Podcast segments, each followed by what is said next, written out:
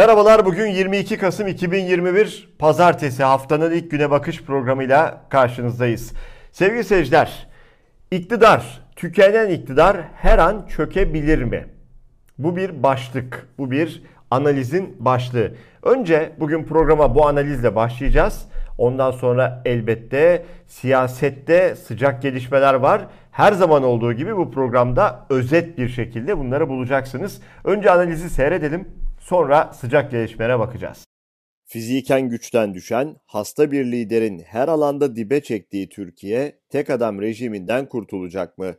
Erdoğan ve partisinin anketlerdeki düşüşü devam ediyor.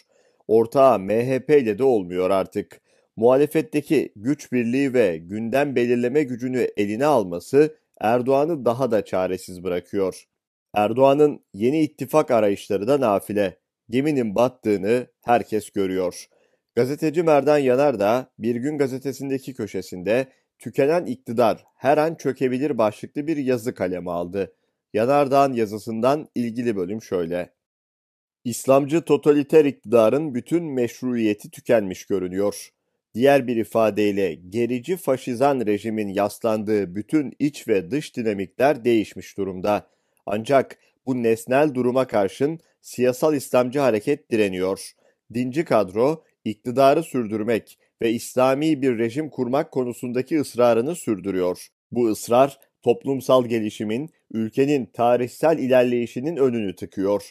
Bu çelişkinin yarattığı şiddetli gerilimin daha fazla sürdürülemeyeceği, deyim uygunsa tarihsel nas düzeyinde bir sosyolojik yasa oluyor. Toplumun ve ülkenin önünde bir ikilem bulunuyor. Bu ikilem şudur.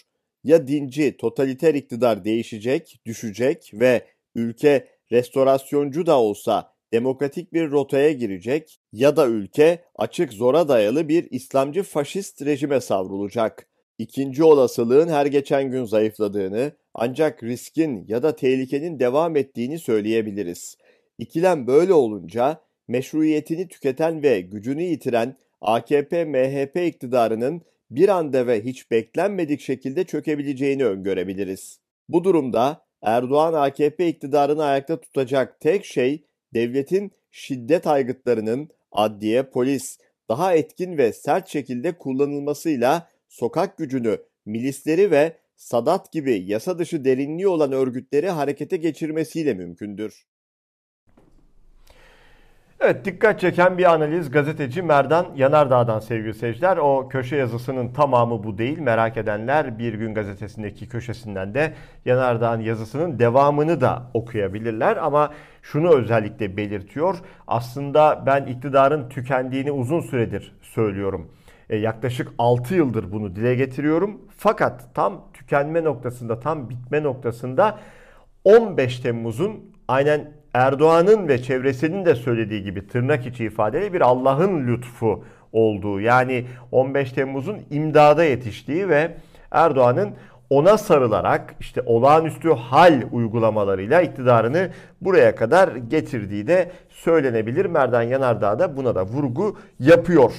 Şimdi bir önemli e, açıklama Saadet Partisi lideri Temel Karamollaoğlu'ndan geldi. Erdoğan'la görüşmesi uzun süredir konuşuluyor. Sonrasında o görüşmeye dair bazı açıklamalar da yapıldı. Bir koltuk krizi yaşanmıştı ve Karamollaoğlu diyor ki Erdoğan bize bana ittifak teklif etti. Saadet Partisi Genel Başkanı Temel Karamollaoğlu Erdoğan'ın partilerini Cumhur İttifakı'na davet ettiklerini ancak kabul etmediklerini açıkladı. Karamollaoğlu Erdoğan'a denetlenmeyen bir başkanlık sistemine destek vermelerinin mümkün olmadığını söylediğini belirtti. Sözcü gazetesine konuşan Saadet Partisi Genel Başkanı Karamollaoğlu, AKP Genel Başkanı Tayyip Erdoğan'la koltuk krizinin yaşandığı görüşmenin perde arkasına dair konuştu. Karamollaoğlu görüşmede Erdoğan'ın partilerini Cumhur İttifakı'na davet ettiklerini belirterek biz beraber olmalıyız dedi kendisi. Ben de dedim ki bizim itirazımız sistemin denetlenemez olmasından. Denetlenmeyen bir sistemin içinde bulunmayı biz arzu etmeyiz. Geçen sefer de böyle oldu. Başkanlık sistemi referandumundan önce konuştuk. Denetlenmeyen bir başkanlık sistemine destek vermemiz mümkün değil dedik ifadelerini kullandı. Evet Saadet Partisi'ne ittifak teklifi. Bunun sebebi çok çok açık.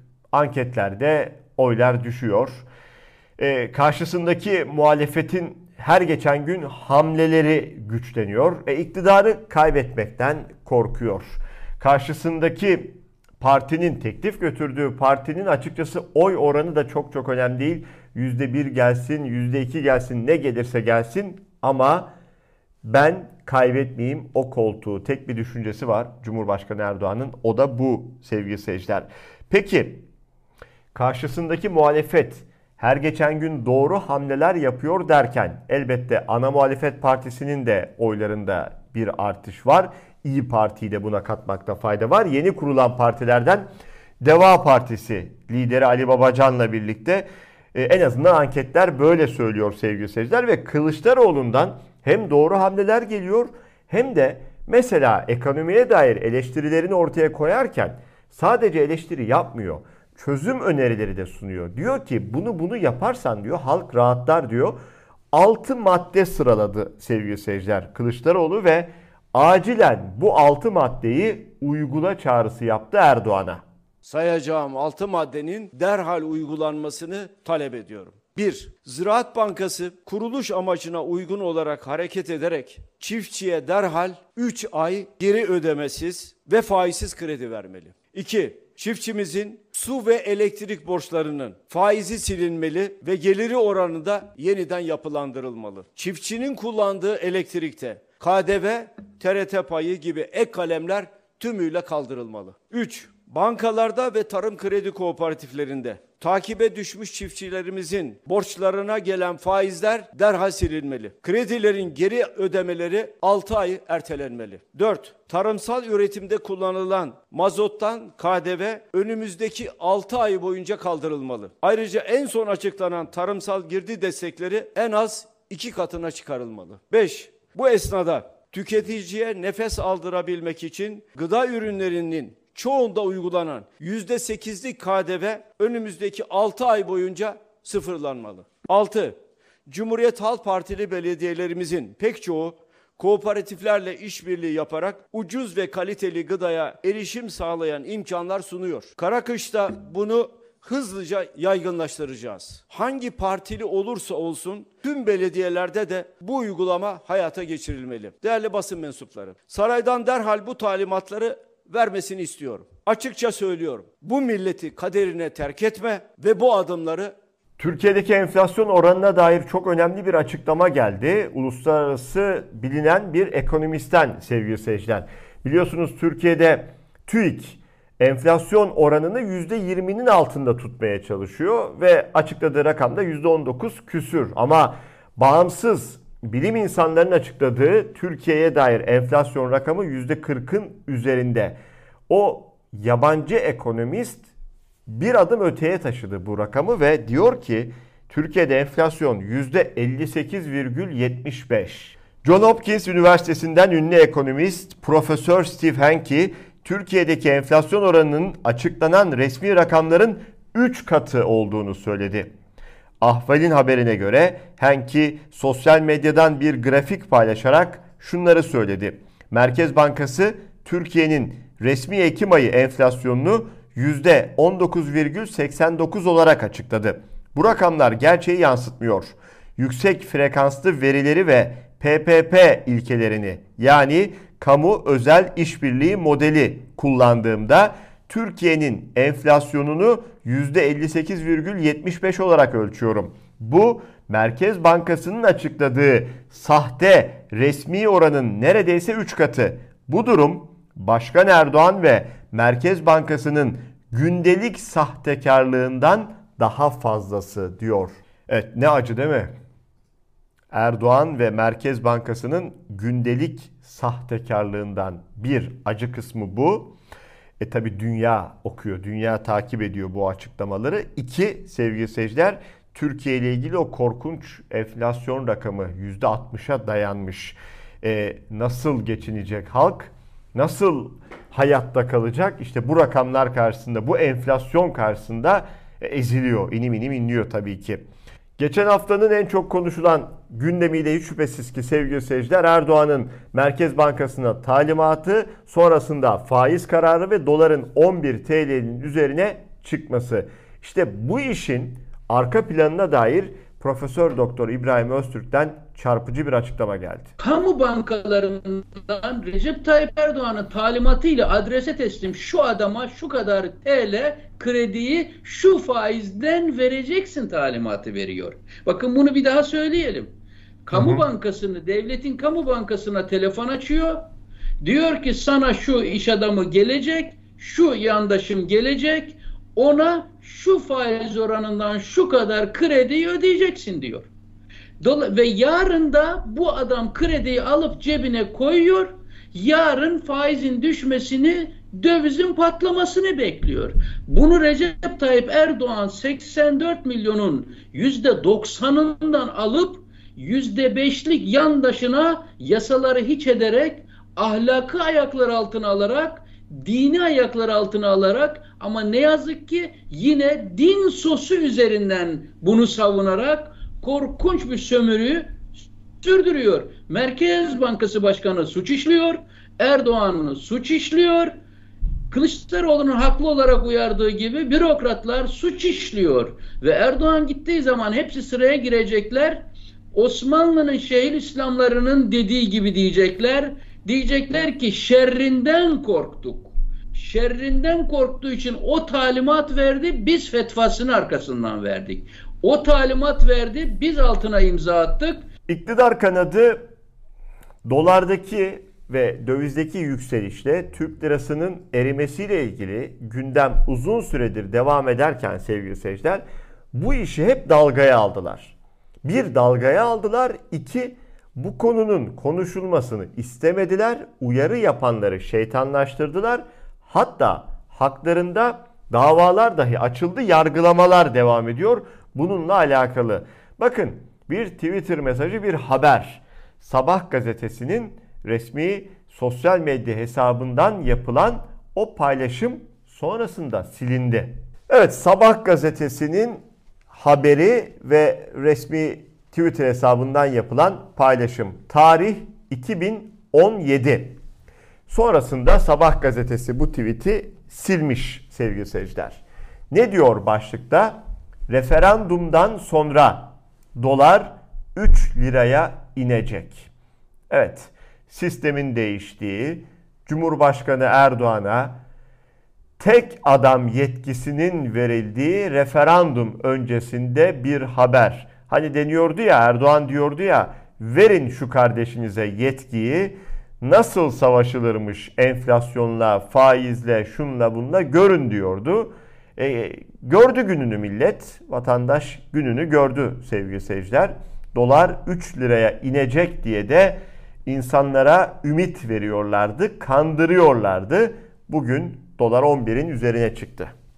Evet ekonomik kriz şartlarının bu en ağır döneminde AKP milletvekillerinin veya AKP kadrosundaki isimlerin lüks yaşantıları ve daha ziyade görgüsüzce diyelim yaşantıları gözlerden kaçmıyor.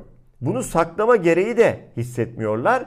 Bu ortaya çıkınca da tuhaf açıklamalar yapıyorlar. Bu kez bir AKP milletvekili atkısıyla gündemde.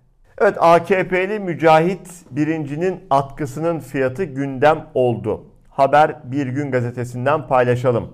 AKP milletvekili Mücahit Birinci'nin markasını söylemeyelim. Ünlü bir marka atkısının fiyatının 330 pound yani 4983 TL 5000 TL diyelim. 5000 TL'lik bir atkı takıyor. Sosyal medyada gündem olunca AKP'li milletvekili birinci ne diyor? Siyasetçiyi atkı üzerinden vurmak 3 nokta çok naif diyerek de kendisini savunuyor. Başka şeyler de söyledi de sevgili seyirciler. Çok bir önemi yok. Ne yapalım diyor biz takmayalım mı? Hakkımız değil mi diyor. Tabi derler ki e, tak kardeşim tak yani 5000 TL'lik atkı tak da e, bir asgari ücret ne kadar? Asgari ücretli o paraya 3000 TL'nin altındaki paraya bir ay evi nasıl geçindiriyor? Enflasyon %40'ların üzerine çıkmışken evine et alamayan, ekmek götüremeyen insanların olduğu bir ülkede de ne bileyim 5000 TL'likte bir atkı takmayı ver bari ne olur. Yani klasınız mı sarsılır demiş olalım biz de. Peki eleştiriler gelince sosyal medya hesabından Mücahit Birinci bakın neyi paylaşıyor? Olay bu diyor. Yani nereye sığınıyor? Erdoğan'a sığınıyor. Bir gündem olduklarında, bir şekilde eleştirildiklerinde, bir şekilde böyle bu işlerden sıyrılmak istediklerinde yaptıkları paylaşım ya Erdoğan oluyor veya Erdoğan fotoğrafının arkasına sığınıyorlar. Tipik bir AKP'li. Evet 5000 TL'lik atkı takan AKP'li milletvekilinden sokağa çıkalım. Bir esnafın isyanına bakalım. Un bulamayan fırıncı. Esnaf ne diyor? Un kara borsaya düşmüş.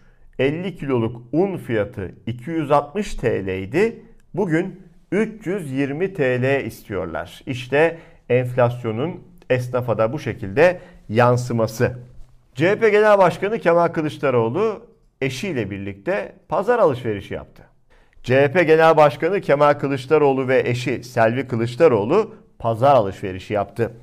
CHP'den yapılan açıklamaya göre Kemal ve Selvi Kılıçdaroğlu Çukurambar'daki evlerinin yakınında kurulan halk pazarına gitti. Pazar alışverişi yapan Kılıçdaroğlu çiftine esnaf ve vatandaş ilgi gösterdi. Size güveniyoruz sözleri üzerine Kılıçdaroğlu hepsini halledeceğiz meraklanmayın ifadesini kullandı. Alışverişin ardından Kılıçdaroğlu çifti evlerine geçti. Evet bu haberle birlikte sevgili seyirciler bugünkü güne bakışı noktalıyoruz. Salı sabah Türkiye saatiyle 9'da yine bu ekranlarda güne bakışta buluşmak üzere. Hoşçakalın.